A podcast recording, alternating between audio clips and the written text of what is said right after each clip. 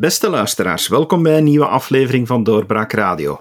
Mijn gast vandaag is Hannes van Parijs, secretaris-generaal van Jong VLD, en ik heb hem uitgenodigd om te praten over een nieuw wetsvoorstel omtrent dataretentie. Welkom, meneer van Parijs. Dank u wel, David. Bedankt voor de uitnodiging. Meneer Van Parijs, dataretentie. Misschien moeten we dat eerst even kaderen voor onze luisteraars, want niet iedereen zal daarmee vertrouwd zijn. Dat voorstel dat er nu ligt, wat is de bedoeling daarvan? Eerst en vooral zeg gerust Hannes hoor, dan maakt het allemaal een beetje minder informeel. Um, de dataretentiewet, ja, het is een, eh, het is een complex gegeven. Um, het is ook niet per se een nieuwe wet. Uh, er bestond al een dataretentiewet. Die is uh, ingevoerd geweest na de uh, terreurgolf van 2015, 2016. Die is op Europees niveau ingevoerd. maar die is een paar jaar geleden ook vernietigd geweest door het Europees Hof van, Rechten van, het Europees Hof van Justitie. Sorry. En dat is later ook bevestigd geweest door ons eigen grondwettelijk hof. En wat zeiden zij? Ja, de dataretentiewet dat is een wet die de metadata heet. Dat, zijn de gebruikersgegevens van telecomoperatoren, uh, waar men kan zien met wie men sms't en belt, uh, waar men zich bevindt, wie de, de, de eigenaar is, wie berichten verstuurt, wanneer ze dat doet.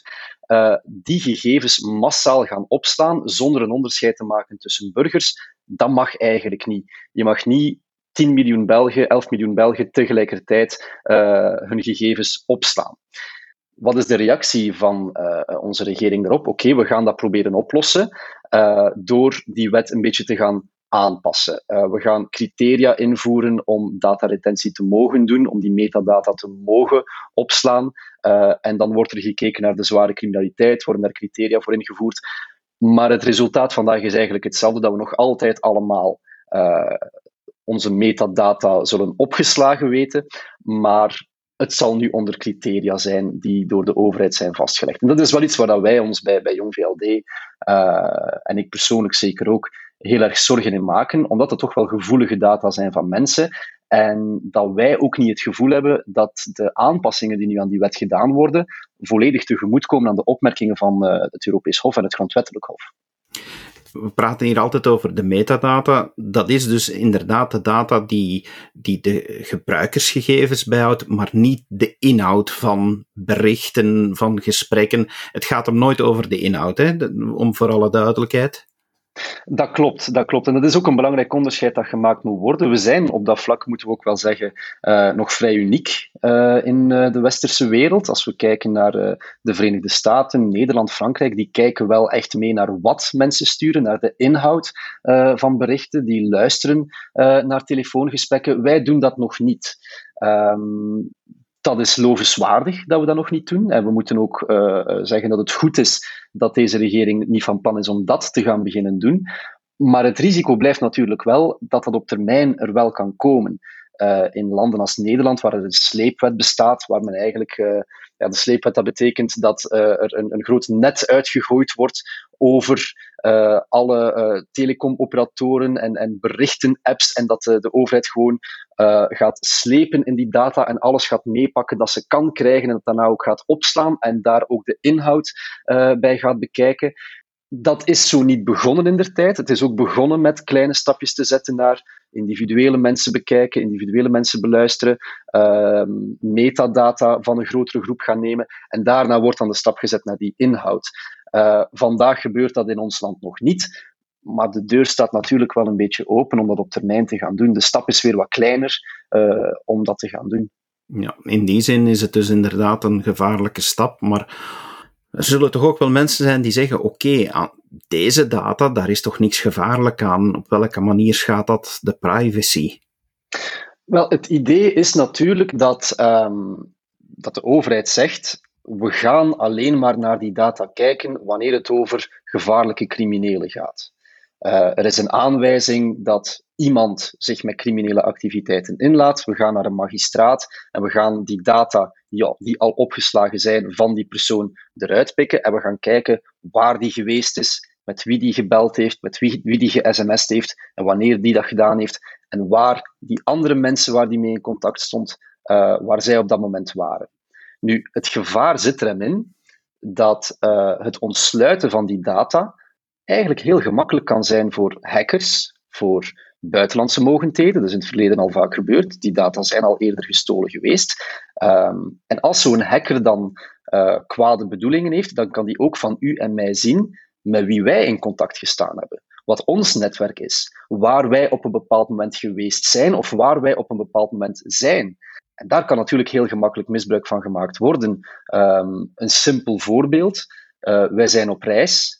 Iemand hackt de data die Belgacom of die Proximus opgeslagen heeft. Die ziet, oké, die mensen zijn um, heel actief vanuit het buitenland sms'en aan het sturen. En ik zie dat uh, de, de, het gezin daar ook in het buitenland zit. Dat huis staat leeg en we gaan er eens passeren. Dat zijn mensen met kwade bedoelingen die er op zo'n manier gebruik van zouden kunnen maken. Als we naar grotere organisaties gaan kijken, um, mensen kunnen op een profiel van ons opbouwen. Ze kunnen zien hoe actief wij zijn, in welke steden wij aanwezig zijn. Um, dat kan interessant zijn voor advertentiebedrijven. Uh, dat kan interessant zijn voor politieke marketeers die willen zien in welke regio wij wonen. Um, die grootschalige data kunnen daarna gebruikt worden om ons specifieke advertenties te geven op basis van ons geïndividualiseerd profiel. Er is een, een hele range aan mogelijkheden waarop die data kunnen misbruikt worden als ze in de foute handen zouden vallen. En dan spreek ik alleen nog maar over de, over de hackers. Als we dan naar de buitenlandse mogendheden krijgen, ja, dan, uh, naar de buitenlandse mogendheden kijken, nou, dan wordt het nog wat gevaarlijker.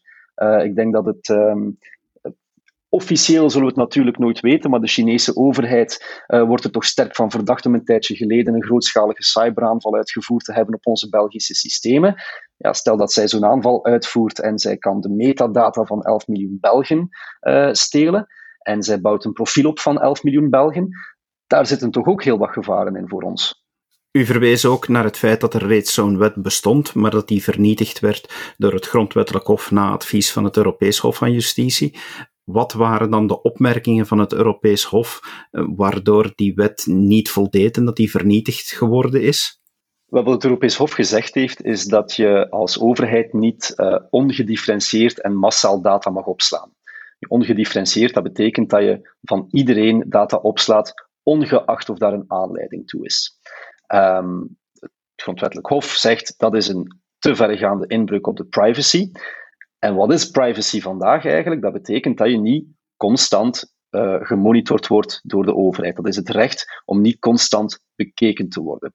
En het gevaar dat we dan inderdaad vandaag aan het zien zijn, als we zo ongedifferentieerd data zouden opstaan, dat betekent dat je eigenlijk de redenering van de rechtsstaat aan het omdraaien bent. En dat je gaat zeggen, uh, je bent niet meer onschuldig tot het tegendeel bewezen is, uw privacy wordt niet meer beschermd tot wij vinden dat er een absolute noodzaak is om uw privacy te gaan schenden. Maar we gaan al op voorhand uw privacy schenden. We gaan al op voorhand alles gaan opslaan. En we gaan pas achteraf bekijken of we het nodig hebben en of we het gaan gebruiken. Dat is toch wel een gevaarlijke evolutie die we, die we, die we vaker en vaker beginnen zien uh, in het privacy-debat. Dat we die redenering uh, aan het omdraaien zijn en dat iedereen op elk mogelijk moment van de dag bekeken, gesurveilleerd wordt en we moeten er maar vertrouwen in hebben dat uh, de overheid daar goed mee zal omgaan en dat ook in de toekomst zal blijven doen, ongeacht welke mogelijke regeringen en regimes er nog aan de macht komen. Dat is waarom het, het, Hof ook gezegd heeft, we gaan die privacy beschermen, we gaan zeggen dit gaat te ver, omdat er onvoldoende, uh, onvoldoende garanties zijn um, dat die privacy in de toekomst ook zal beschermd blijven op deze manier. Maar het Hof heeft dus nooit eigenlijk gezegd dat het niet kan. Er kan dus wel degelijk dataretentie gedaan worden, er mogen gegevens bijgehouden worden, maar dat moest dus aangepast worden en proportioneel worden. Is het nieuwe voorstel dat dan ook, dat, dat vandaag voor ligt? Dat is een moeilijke. Hè? Um, zoals het vandaag voor ligt, en, en uiteraard er worden nog adviezen verwacht. Uh, het moet nog eens terugkeren naar de regering. Het moet daarna nog naar het parlement gaan. Dus er kan nog heel veel gebeuren. Maar zoals het vandaag voorligt uh, en hoe ik het begrepen heb, wordt er gewerkt met criteria op basis van zware criminaliteit in gerechtelijke arrondissementen. En als er in een gerechtelijk arrondissement een, bepaald, uh, een bepaalde threshold overschreden wordt, uh, aan zware criminaliteit, aan zware criminele feiten, dan zegt de overheid: oké, hier gaan wij nu dataretentie doen voor een bepaalde periode. Dat kan zes maanden zijn, negen maanden zijn, twaalf maanden zijn. En aan het einde van die periode gaan we opnieuw evalueren, uh, evalueren of we dat kunnen blijven doen of als we mee moeten ophouden. Maar goed, gerechtelijke arrondissementen, ja, daar ligt bijna altijd een grote stad in. of een middelgrote stad in. En we weten allemaal, in steden is er criminaliteit. Wat is zware criminaliteit? Wat is lichte criminaliteit? Wat geeft het recht uh, om iets. Uh, wat geeft u als overheid het recht om te beslissen wat zware en lichte criminaliteit is? Het resultaat gaat vandaag zijn dat die dataretentie gewoon over het hele grondgebied zal plaatsvinden. En het argument zal gebruikt worden van ja, we zijn er zware criminelen mee aan het opsporen. Dat klopt ongetwijfeld. Maar ik heb het gevoel dat er eigenlijk weinig veranderd is buiten de regeling die vernietigd is geweest door het Hof. Je hebt dan ook het feit dat we in België een zelfstandige entiteit hebben die uh, uitspraken doet, die, die privacy echt wel monitort, de gegevensbeschermingsautoriteit. Zij hebben hier toch ook al hun mening over gegeven. Ja, met dezelfde bezorgdheden. Um, ik heb het rapport nog niet in de diepte kunnen lezen. Ik ben er wel eens doorheen gegaan. Ik heb uh, uh, een aantal mensen die, die heel fel ook met het thema bezig zijn, die ook die specifieke wet aan het, op, aan het opvolgen zijn, daarover gesproken. En het rapport is zeer kritisch.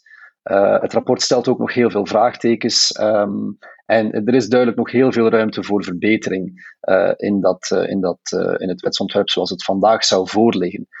Um, met uiteraard nog altijd diezelfde bedenking. Willen we van 11 miljoen burgers alle data opslaan? Uh, willen we aan telecomoperatoren vragen om die data op te slaan? Willen we echt aan een buitenlandse multinational, WhatsApp, Messenger, die zitten ook allemaal in die poelen van, uh, van communicatiediensten, willen we aan hen vragen om data van Belgische burgers op te slaan? Welke garanties hebben wij als burgers dat een Proximus, zoals Belgacom uh, eerder al gehackt is geweest, kan Proximus ook hacken, dat zij uh, die data veilig genoeg gaan opslaan. Als we kijken naar een WhatsApp, welke garantie hebben wij als, buitenland, uh, als, als, als Belgen dat zo'n buitenlands bedrijf dat eigendom is van Facebook, waarvan we weten dat Facebook ook het vaak niet nauw neemt met de privacy, dat die er ook de kantjes van aflopen. Dat zij die data achteraf niet gaan misbruiken, dat zij die data niet gaan doorverkopen, dat zij hun eigen advertentiegedrag niet gaan aanpassen aan de data die zij van de Belgische overheid hebben moeten opslaan. Um, wat als Messenger of Facebook gewoon niet willen meewerken, als WhatsApp niet wil meewerken aan dit hele verhaal, wat gaan we dan doen? Gaan we dan die bedrijven gaan vervolgen omdat ze onze, uh, onze wet niet respecteren uh, en gaan we burgers verbieden om nog WhatsApp te gebruiken? Er zitten heel veel losse eindjes aan het wetsontwerp en allemaal komen ze op hetzelfde punt neer. Is de burger nog wel voldoende beschermd na dit wetsontwerp? Als we het afwegen tegen het mogelijke voordeel van een paar criminelen te kunnen vatten.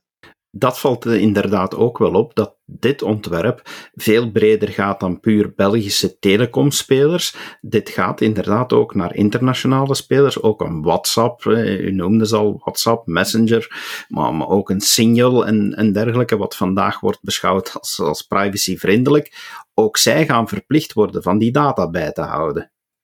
Zij gaan verplicht worden. En uh, ja, ik stel mij dan onmiddellijk de vraag: uh, hoe gaan wij als klein België die grote internetgiganten verplichten om die data uh, te gaan bijhouden? Hoe gaan wij hen verplichten om deel te nemen aan onze, aan onze um, juridische criminele opsporingsprocessen? in het verleden hebben ze al vaak geweigerd om mee te werken aan strafzaken. Uh, en nu zouden we dat plots heel massaal gaan doen. Ik heb daar twijfels bij. Een app als Signal die zichzelf echt als zeer privacyvriendelijk naar voren schuift. Uh, die, die de garantie biedt aan de gebruiker dat, uh, dat hun gegevens volledig veilig zijn. Gaat die meewerken aan een overheidsproject dat er eigenlijk echt wel op neerkomt dat die privacy een klein beetje achteruit gaat?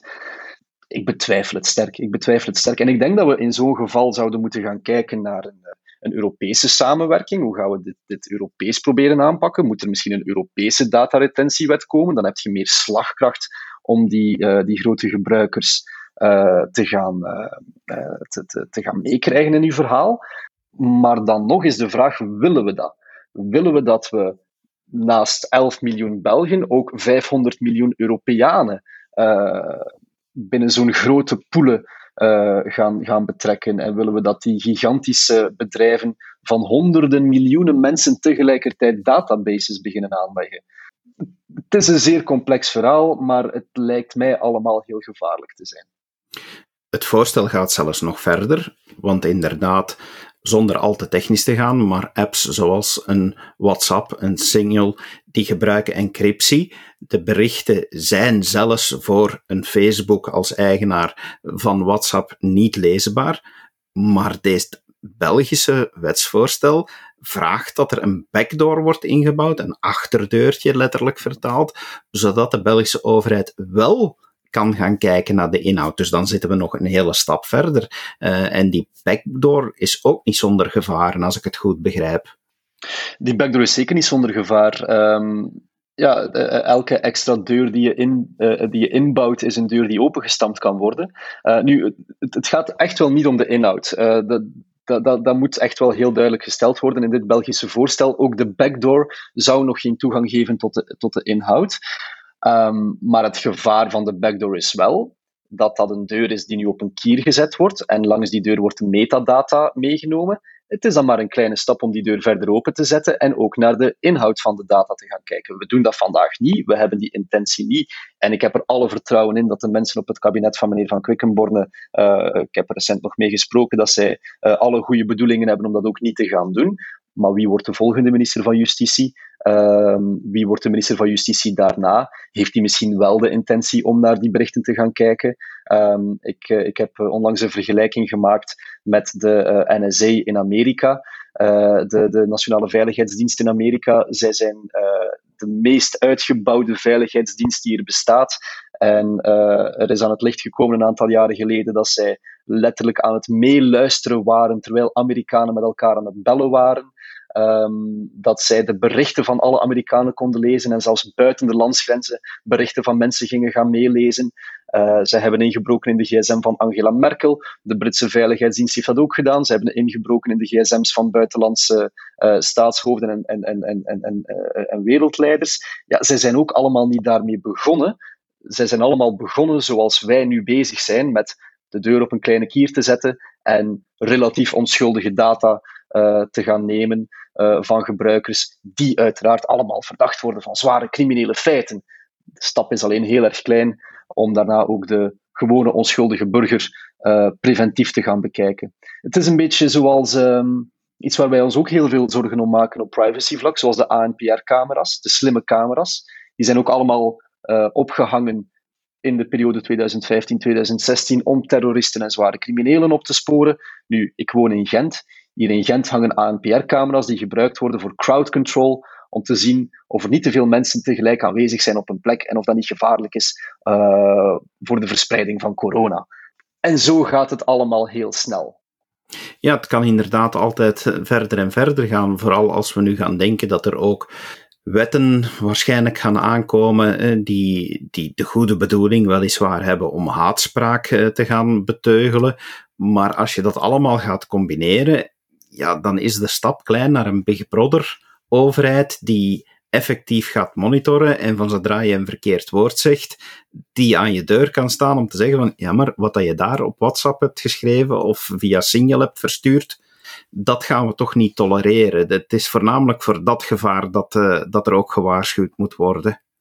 Ja, inderdaad. Um, mensenrechten, grondrechten, basisrechten en vrijheden zijn allemaal ingevoerd met een heel goede reden. Die zijn ingevoerd om niet stap voor stap naar zo'n samenleving af te glijden. Um, en er zullen altijd fantastisch goede redenen te vinden zijn om daar een klein beetje van af te pitsen, om daar een klein beetje tegenin te gaan. Maar dat is telkens een stap die gezet wordt naar een samenleving die we niet willen. Uh, nu, ik geloof niet dat wij aan het afstevenen zijn op Noord-Koreaanse toestanden um, of op uh, Chinese toestanden waar wij allemaal uh, aan een soort ratingsysteem onderhevig gaan zijn en dat er uh, elk, op elk moment van de dag een camera op ons gezicht ge ge geplant gaat zijn en dat er overheidsprofielen door onze eigen overheid gaan aangelegd worden om in de gaten te houden waar we zijn. Maar er zijn heel veel mogelijkheden om zaken te gaan misbruiken. zoals je zelf beschrijft, als er een haatspraakwetgeving uh, komt en uh, die wordt in de toekomst uitgebreid door uh, god weet welke extreme regering die door een toeval aan de macht zou komen, gecombineerd met de backdoor die vandaag wordt ingebouwd, dat geeft mogelijkheid tot problemen. maar we moeten het natuurlijk zover niet zoeken.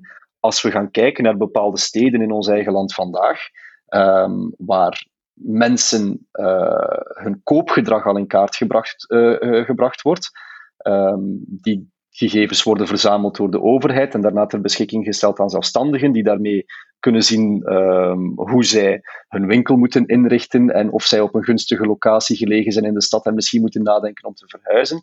Ja, dat is eigenlijk ook al een serieuze misbruik, misbruik maken van die gegevens die ooit allemaal ingevoerd zijn geweest of die ooit verzameld zijn geweest om de zware criminaliteit aan te pakken.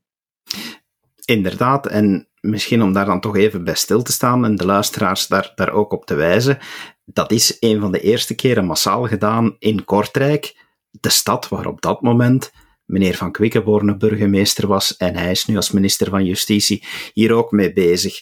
Eh, hoe leeft dat dan eigenlijk bij jullie in de partij? Want ja, u bent van Jong VLD en ik weet van jullie uh, jong VLD-voorzitter, uh, mevrouw Tesminnes, uh, waar ik ook al een podcast mee heb gehad, dat, dat jullie wel staan op jullie zelfstandigheid, maar kunnen jullie dat ook binnen de partij aankaarten en meegeven aan meneer Van Quickenborne en, en het kabinet? Ja, we zijn hier echt wel bezorgd over en we kunnen ons daar niet helemaal in vinden.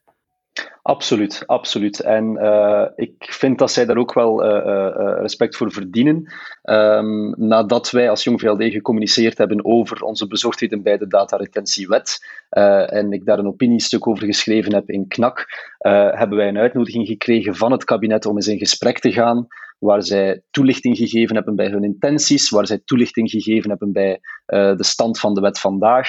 Uh, waar zij ook um, bevestigd hebben dat zij zelf wel, degelijk met privacy bezig zijn en dat er bepaalde mechanismes ingebouwd zijn in de wet om de privacy te beschermen.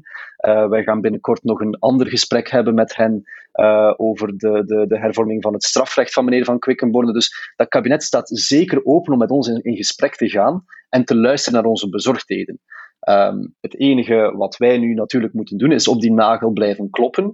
Uh, zowel intern als extern blijven aankaarten dat privacy gevaarlijk is, dat een slippery slope um, op vlak van het mensenrecht privacy heel gevaarlijk is en tot akelige toestanden kan leiden, in de hoop dat er dan ook effectief wetgevend gevolg wordt gegeven um, aan onze kritieken. Maar het is heel fijn om dat in samenspraak met het kabinet te kunnen doen, zodat wij onze kritiek ook kunnen baseren op de meest correcte, actuele, juiste informatie. Uh, en ook volgens um, de, de, de, de, de redeneringen die zij volgen om, uh, om hun werk te doen. Um, ik ben ook gerustgesteld door het kabinet dat er bij hen op dit moment geen enkele um, slechte intentie achter zit. Alle bedoelingen zijn goed. Um, we zitten daar met mensen die, die heel veel ervaring hebben op, zowel eh, op vlak van zowel veiligheid als van privacy. En zij zoeken een evenwicht tussen privacy en veiligheid. Ik vind dat de slinger te veel overslaat naar de veiligheidskant en dat we te veel aan privacy inboeten. Zij zeggen daar natuurlijk over, ja, jij zit te veel aan de privacykant en wij kunnen onze, veiligheid, uh, onze veiligheidsdiensten niet langer laten functioneren um, met de nieuwe communicatiemedia zoals ze vandaag bestaan. Nu goed, let's agree to disagree. Um, maar er kan echt wel heel goed gesproken worden tussen jong VLD en, uh, en, en open VLD op dat vlak. Ook al zijn we het niet altijd met elkaar eens. Om het nog even over die veiligheid te hebben, mensen zullen inderdaad wel vaak reageren van och ja, wat geeft het? Ik heb niks te verbergen, dus ze doen maar. Uh, maar eigenlijk moeten we gaan zeggen, ja, die wetgeving gaat toch altijd net zijn doel niet bereiken, want wie zijn de eerste die zich niks aantrekken van wetgeving? Dat zijn net de criminelen. Criminelen zullen blijven apps gebruiken die wel degelijk versleuteld zijn, zullen blijven speciale encryptietelefoons gebruiken. Dus men gaat toch altijd voornamelijk de privacy van de gewone burger aantasten, denk ik dan.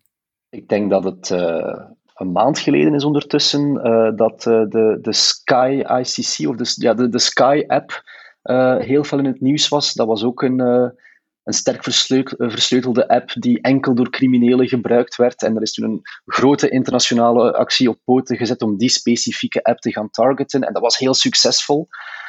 Maar apps zoals Sky zullen er blijven komen als WhatsApp niet meer veilig is, dan gaan we naar Telegram. En als Telegram niet meer veilig is, dan gaan we naar Signal. En als Signal niet meer veilig is, dan zal er wel ergens een ondernemende crimineel opstaan om een nieuwe app te creëren die dan weer gebruikt kan worden. Um, en op die manier loopt de wetgeving inderdaad altijd een beetje achter de feiten aan. En vandaar ook de vrees uh, dat we heel snel zullen afstappen van het argument we zijn zware criminelen en terroristen aan het opsporen, maar, uh, want die gebruiken de apps niet meer. Maar we gaan wel, nu we die technologie geïnstalleerd hebben en die backdoor uh, aanwezig hebben, gaan we andere, kleinere vormen van criminaliteit proberen opsporen op deze manier. En als we dat niet snel genoeg vinden, dan gaan we de gebruikersmodaliteiten voor onze veiligheidsdiensten een beetje uitbouwen, dat zij preventief kunnen gaan speuren uh, tussen de data die we daar gevonden hebben. Um, want dat is ook een belangrijk gegeven in de privacy-discussie. We noemen dat de function creep. Iets wordt ingevoerd, daar wordt heel fel in geïnvesteerd. Ja, daar moet resultaat uitkomen. Als de zware criminelen weglopen van WhatsApp, dan zit die technologie nog altijd op WhatsApp. We hebben daarin geïnvesteerd, we willen daar resultaat uithalen, dus gaan we het gebruik van die technologie wat gaan uitbreiden in de hoop om toch meer resultaten te kunnen krijgen. Ook daar zit inderdaad een groot gevaar.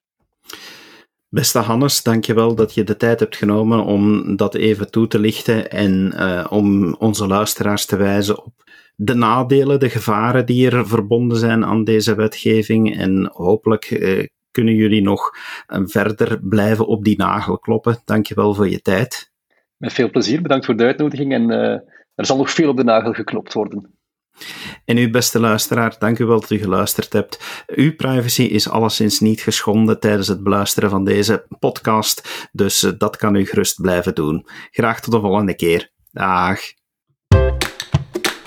Dit was een episode van Doorbraak Radio, de podcast van doorbraak.be.